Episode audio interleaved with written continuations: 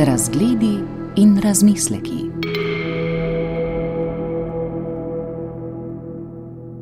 Gospod Kravic, ogledali ste si odrsko priredbo svojega romana Judovski pes, ki je na ogled v Ljubljanskem mini teatru in v stolpu Škrlovec v Kranju. Kakšna se vam zdi? Uh, it was very impressive. I, uh, I was deeply impressed by the, by the actor. Predstava je name naredila globok vtis. Še posebej me je navdušil igralec, hotel sem reči glavni igralec, ampak seveda v igri nastopa samo eden. In čeprav angliščina ni njegov materni jezik, je obvladal celotno igro in svoje delo zelo dobro opravil. Kako pa je sploh prišlo do odrske priredbe? Pred desetimi leti ste napisali roman, odrska priredba pa je delo Jonatana Esterkina. It was about 10 years ago, and Jonathan Esterkin, which I didn't know at the time, Bilo je pred kakimi desetimi leti in Jonathan Esterkin, ki ga tedaj nisem poznal, me je poklical in rekel, da bi po knjigi rad pripravil monodramo. Zdelo se mi je noro in če povem po pravici, sem pomislil, da je človek čudak. V knjigi je namreč toliko različnih likov. Poleg tega se dogaja v koncentracijskih taboriščih, pa v getih in gozdovih. Kako je to kompleksno pripoved sploh mogoče prirediti za oder z enim samim igralcem? Zdelo se mi je noro, vendar sem mu rekel: No pa daj, poskusi, naredi, kar misliš. Ker ne maram besedice ne, sem pač rekel ja. Leto ali dve pozneje sem bil zelo presenečen, ko me je poklical in me povabil na premjero. Moral sem se prepričati na lastne oči, da sem lahko verjel. Ko sem si ogledal predstavo v hebrejščini, sem bil osupel, čisto me je prevzel talent igralca. Bil je res mojster. V igri nastopa 26 različnih likov, v katere se mora preobraziti. Včasih se v eni sami vrstici zamenjajo trije liki. To se je težko predstavljati, vendar mu je uspelo in to odlično. Pred letom in pol pa me je Jonathan spet poklical in mi povedal, da bi monodramo rad postavil na oder v Sloveniji. Privolil sem, na to pa odprl zemljevid in pogledal, kje za vraga je ta Slovenija. Zdaj vem in to mi je zelo všeč. In ko sem si ogledal predstavo, sem bil navdušen. I really like it here. Um, and well, when I saw the show, I was deeply impressed as well. Tudi na začetku je bil roman obsežno kompleksno delo, kar pomeni, da je odrska priredba vendarle nekakšna redukcija. Ste se počutili, kot bi kdo brcal vašega psa? No, I didn't feel this way. I mean, I, I accepted it. The, the minute you, you, you tell a, somebody who is creative, Ne, to sem pač sprejel. Zdi se mi, če se pojavi ustvarjalec, ki hoče narediti nekaj izvirnega, imam pravzaprav srečo, da ga je za to navdihnil moj roman. Tisti trenutek, ko sem privolil, pa sem mu moral stvar prepustiti, naj se je loti tako, kot jo razume. Če bi sam to naredil, bi bilo verjetno videti drugače, tudi to ni moje delo. Nisem režiser, nimam dovolj gledališke izobrazbe, nisem kvalificiran za to. Njemu se je tako zdelo prav, naj bo torej tako. V svojem romanu ste za pripovedovalca izbrali psa, ki mu je v angliškem prevodu ime Kaleb, v slovenskem pa Kir. Zakaj pes? Okay, first of all, um, in, in Hebrew, the name of the dog is, is Koresh, which is translated usually to Cyrus. This, this Najprej moram povedati, da je v hebrejščini psu ime Koreš, kar običajno prevajamo kot Kir. Tako je psu ime v romanu in v izvirni odrski priredbi. Kir oziroma Koreš je bil veliki perzijski vladar, ki je judom dovolil, da se, potem ko so bili izgnani, vrnejo nazaj v svojo deželo Izrael. Angliško različico je bilo treba prilagoditi za američane, ki žal intelektualno niso povsem razviti, upam, da ne poslušajo te oddaje. Izbrali so ime, ki bo dobro zvenelo za ameriška ušesa. To se mi je zdelo čudno. Nisem hotel posredovati, nisem preveril, ali imam pravico veta ali ne. Mislil sem si, to je založba, ki objavlja angliške knjige. Svoje bralce poznajo bolje kot jaz. Nisem hotel ustrajati pri svojem idealizmu in jim s tem povzročiti finančno škodo. Rekel sem, naj bo, če ste že tako prepričani, ne bom nasprotoval. Se mi je pa zdelo bizarno. Predstavljajte si, da bi nekdo vzel Cervantesovega Don Quixota in mu spremenil ime v Boris, samo zato, ker je Rusom to ime bolj všeč. Smešno je. Vendar sem se sprijaznil. Kar pa zadeva dejstvo, da sem za pripovedovalca izbral psa, Resnica je, in upam, da ne bo zvenelo preveč plehko, da ga pravzaprav nisem izbral. Kar zgodilo se je, sploh nisem vedel, da bom napisal roman. Mislil sem, da bo nastala kratka zgodba ali celo samo malo daljši sketch. Ko sem začel pisati, nisem imel nobene predstave. Zdelo se mi je zabavno, da bi napisal nekaj strani, kot bi jih pripovedoval pes. Nastal pa je roman. Nisem razmišljal o tem, koga bi izbral za pripovedovalca, naj bo to moški ali ženska, otrok ali ježevec, muca ali aligator. Nisem načrtoval, kar zgodilo se je. Mislim, da je morda šlo za naravno odločitev, saj sem dolga leta redil pse in sem to zelo rad počel. S svojimi psi se zelo dobro razumem. Morda se je zgodilo čisto naravno. Če si, na primer, zelo angažiran v svoji starševski vlogi kot oče ali mati, lahko prevajaš čustva svojih otrok. Če drugi ne razumejo, vedno lahko rečeš: Otrok joče zato, ker je lačen, joče, ker ima umazano plenico. Če si z nekom zelo povezan in če si se zmožen uživeti v njegova čustva in občutke, jih skušaš prevajati drugim. Morda se je začelo s tem, vendar nisem imel nobenega načrta, kar zgodilo se je. Začelo se je kot nekaj med šalo in eksperimentom. Če bi imel načrt, bi bil proces veliko krajši, tako pa mi je vzelo tri leta in pol. Šlo je zelo, zelo počasi. Vsakokrat, ko sem dobil kak nov uvid v to, kako razmišljajo psi, sem napisal nekaj stavkov. Pes je v svetu ljudi vendarle outsider, vi pa pišete o strašnih in bolečih stvarih, ki so se zgodile med ljudmi. Bi bilo prehudo, če bi bil pripovedovalec človek. After, after written, I, I Gre za več kot to. Ko je bila knjiga napisana, sem spoznal, da bi jo morda lahko razumeli kot prebrisano literarno zvijačo. Jud namreč ne more povedati nič dobrega o nacistični vlogi v holokaustu. Nacisti so bili naučeni, da sovražijo jude in le težko bi povedali kaj dobrega o kaki judovski družini. Če pa za pripovedovalca izbereš psa, ki popolnoma sočustvuje s svojim gospodarjem in skuša na svoj naiven način vedno videti svojega gospodarja kot nekoga, ki je pravičen in ima prav in je dober, to je dobra zvijača, kako objektivno povedati zgodbo z obeh strani. Nisem dovolj bister, da bi si izmislil to zvijačo. Nastala je sama od sebe, zdaj pa mi je jasno, da ima svoje prednosti. Vaši liki niso enodimenzionalni. Med osebami, ki nastopajo v romanu, imate naprimer Ralfa, ki je dejansko dober nacist. Biggest, biggest, biggest Mislim, da je ena največjih napak, ki jih ljudje učijo o holokaustu, ta, da skušajo stvar spremeniti v ameriški film, v katerem nastopajo dobri in hudobni fantje. Ta napaka je še hujša, če nekdo poskuša opisati naciste kot pošasti. Če bi bili pošasti, ne bi bili slabi, kajti zmaji in druge pošasti morajo žreti ljudi. To je njihovo delo.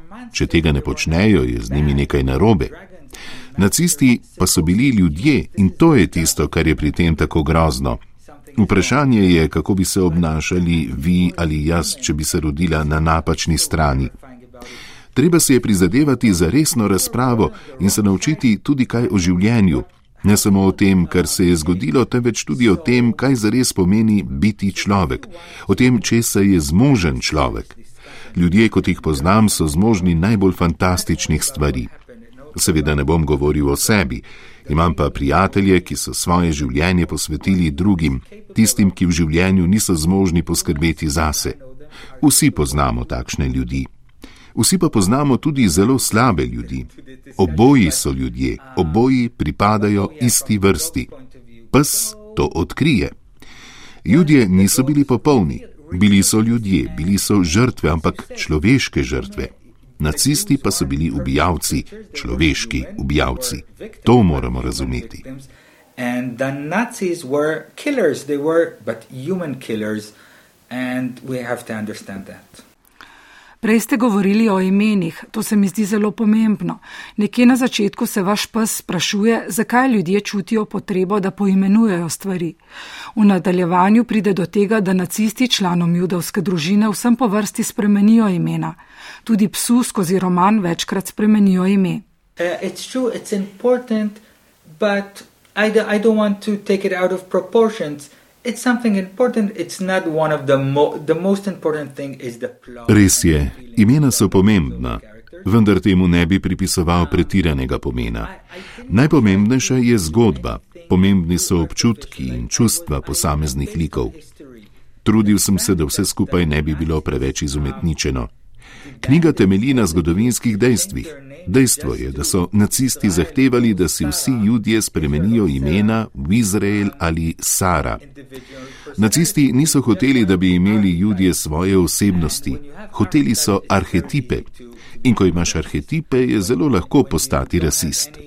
Če gledaš na stvari brez resolucije, če je vse bodi si samo črno ali belo. To je motiv, ki sem ga skozi knjigo nekoliko razvil. To je vse. uh, when well I, I just uh, developed this motive uh, a little bit uh, through the book. That's true. Niste pa hoteli napisati moralitete?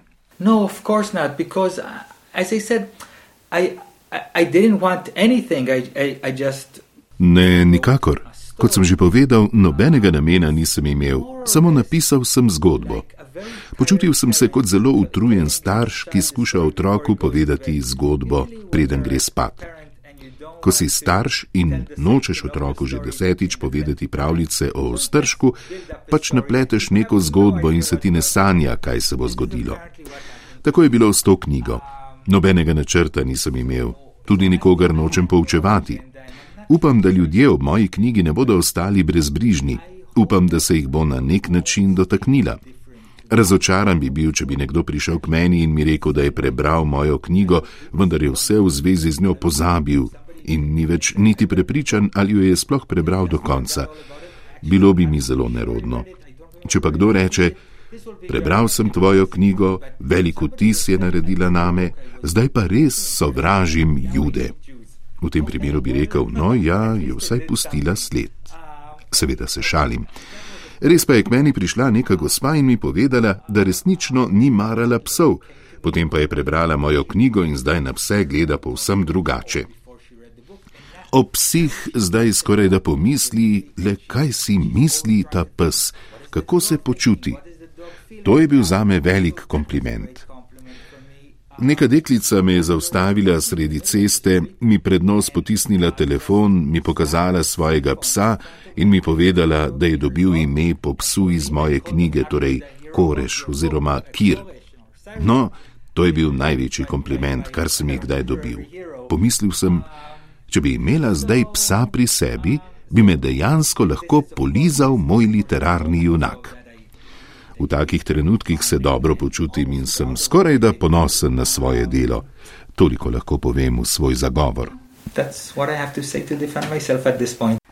Zdi se, da je zelo pomemben za vaše pisanje humor.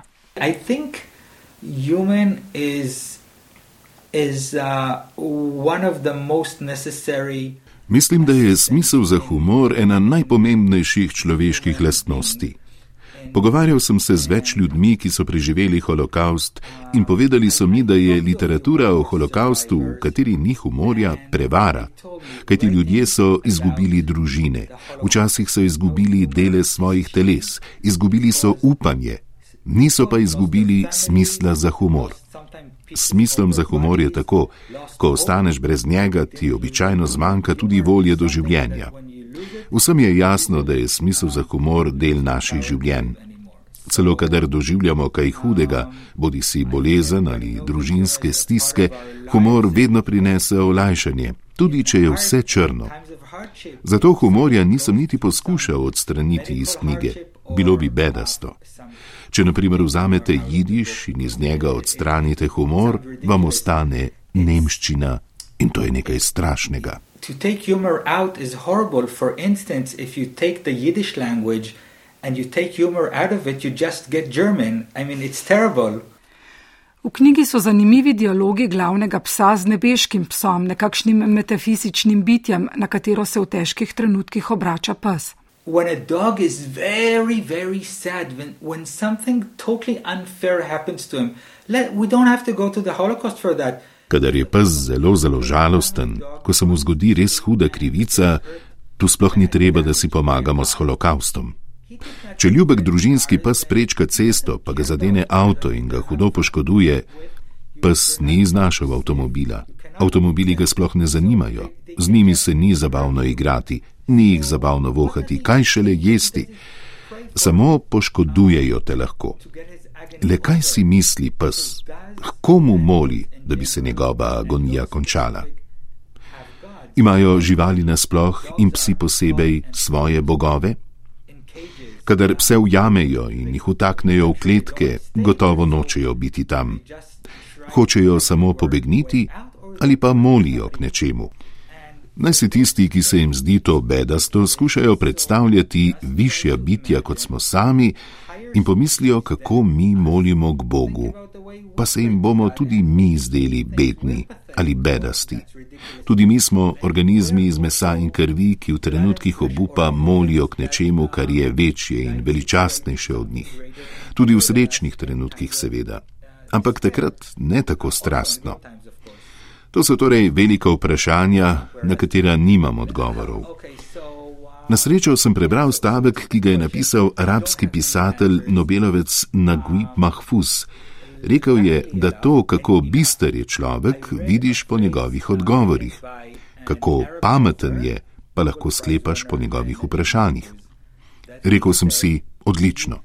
Nobenih odgovorov ne poznam, imam pa veliko vprašanj. To je moja strategija. By his answers, and you can know how deeply smart he is by his questions. So I said, okay, fantastic. I don't have any answers, but I have plenty of questions. And uh, okay, so that's my strategy. Za vaše pisanje je značilen suspens, bravca držite v napetosti do konca. Je to morda povezano tudi z dejstvom, da ste nekaj časa raziskovali zločine pri izraelski policiji? No, I don't think, I don't think. Okay, thank you for mentioning my heroic past, but no, no, not at all. I think that if somebody. Ne, mislim, da ne. Lepo od vas, da ste omenili mojo junaško preteklost, ampak ne, nikakor. Če nekdo napiše knjigo, v kateri ni napetosti, pač ni dobro opravil svojega dela. Če nekdo, ki bere tvojo knjigo, to knjigo odloži na polico in jo tam pusti teden dni, pomeni, da si za nič pisatelj. Vrnil se bom k staršu, ki svojemu otroku pred spanjem pripoveduje zgodbo. Če ni dovolj zanimiva, bo otrok zaspal, še preden se bo zgodba končala. V tem primeru bi bila večina staršev sicer zadovoljna, ne bi pa mogli biti ponosni. Ni me strah tega, da bom še malo bolj utrujen, raje ohranim svoj pripovedovalski ponos. Zgodba mora biti zanimiva. Nočem tekmovati z depresivnimi ruskimi pisatelji, ki so zmožni napisati 60 ali 70 ali 80 strani o človeški bedi ali globokih mislih, ob katerih se nič ne zgodi. Sicer so imenitni, ampak sam sem druge sorte pisatelj. Zgodba se mora razvijati hitro, še posebej dan danes, ko imamo toliko izvrstnih televizijskih nadaljevank. Če hočeš tekmovati z njimi, moraš biti zelo dober pripovedovalec zgodb. Uh, we have so, so many fantastic TV series, and if you want to compete, you, you have to be a very good storyteller. Študirali ste matematiko in fiziko. Kdaj je v vaše življenje vstopila literatura? Kako ste postali pisatelj? I learned uh, math and physics uh, in high school and uh, in the university. Res je, študiral sem matematiko in fiziko. Oba predmeta še vedno tudi poučujem na univerzi in to zelo rad počnem. Pred sedemnajstimi leti sem nekega večera sedel in začel pisati. Kar tako, brez posebnega načrta. Kar zgodilo se je. Ste veliko brali? I don't think that I read more than the average book loving person. I mean, Mislim, da nisem bral nič več kot povprečen ljubitelj knjig. Nisem bil ravno neveden, nisem pa bil obseden s knjigami. Vedno sem hotel imeti knjige pri roki, tudi priznati moram, da so bile to običajno knjige z področja fizike in matematike, saj sem se dnevno ukvarjal s tem. Bral sem bolj ob koncih tedna. Ne, kar zgodilo se je. In kaj pišete zdaj? I just completed a book which is totally, totally different. It's not a novel at all. I, I, I like riddles a lot. Ravno sem dokončal knjigo, ki je popolnoma drugačna od te, o kateri govoriva. Ne gre za roman. Zelo rad imam uganke in zavozlanke in sem napisal knjigo o ugankah vseh vrst: šahovskih, detektivskih, matematičnih. Pisanje je trajalo kar dolgo, tri leta. Večino ugank sem napisal sam, nekatere sem nabral drugot. Zdaj pa se mi zdi, da sem pripravljen, da napišem naslednji roman. Imam zamisel ali dve. Čez tri leta in pol bo jasno, ali bo kaj nastalo iz tega. Med pisanjem veliko razmišljate o bravcih? I don't ignore them. I, if I think it's a quite a shallow cliche to say I just write for the. Vsekakor jih ne ignoriram. Če kdo reče, da piše samo za voljo literature same, da ga bravci ne zanimajo, se mi zdi plitek kliše. Na ta način pripovedovalec zgodb iz sebe dela mučenika. V to ne verjamem. Po drugi strani pa, če vse čas razmišljaš o tem, ali bo nekaj bravcem všeč, ali bodo zadovoljni, se jim bo zdelo, da sem dober pisatelj, tudi to je bedasto. Če si povabil goste na večerjo, to večerjo pač skuhaj. Ne moreš se vse čas ukvarjati s tem, malo sem posolil, jim bo to všeč, bodo po tej večerji še ostali moji prijatelji. Neumnost. Skuhaj, kar pa znaš skuhati, če jim bo všeč, bodo še naprej tvoji prijatelji, če jim ne bo, pač ne bodo. Tvegaj. Tako gledam na to. In še eno vprašanje, čisto za konec. V življenju ste se menda ukvarjali tudi z zaščito divjih živali. It was a, a, a, a bigger part of my life, a larger part of my life until a few years ago. Now, Res je, do pred nekaj leti je bil to kar velik del mojega življenja. Zdaj sem poročen in oče dveh hčera, ena ima štiri leta, druga eno. To je čisto dovolj divjine. Še vedno se veliko ukvarjam s fotografijo. Tole ne bo slišati zelo idealistično, vendar človek preprosto ne more početi vsega: predavati, skrbeti za družino, menjati plenice, urejati hišo, se nekaj minut na dan pogovarjati z ženo, voditi pse na sprehod in zraven še reševati svet. Za enega človeka je to malce preveč. Trenutno sem to postavil na stran, enkrat ali dvakrat letno napišem kaj krajšega na to temo, ali zato, da ohranjam kondicijo. Nisem tako dejaven, kot bi moral biti. Reševati svet zveni zelo junaško. Zdi se mi, da bi se morali predvsem posvetiti temu, da svetu ne bi preveč škodovali. To mi gre še kar dobro, da svetu ne škodujem. Nimam avtomobila, tako da preveč ne onesnažujem okolja, ne jem živali, tako da ne uničujem življenj. Res je nekoliko pasivno, je pa več kot nič. In po noči lahko mirno spim. And so it's a bit passive, but it's more than nothing. So I sleep well at night. Razgledi in razmisleki.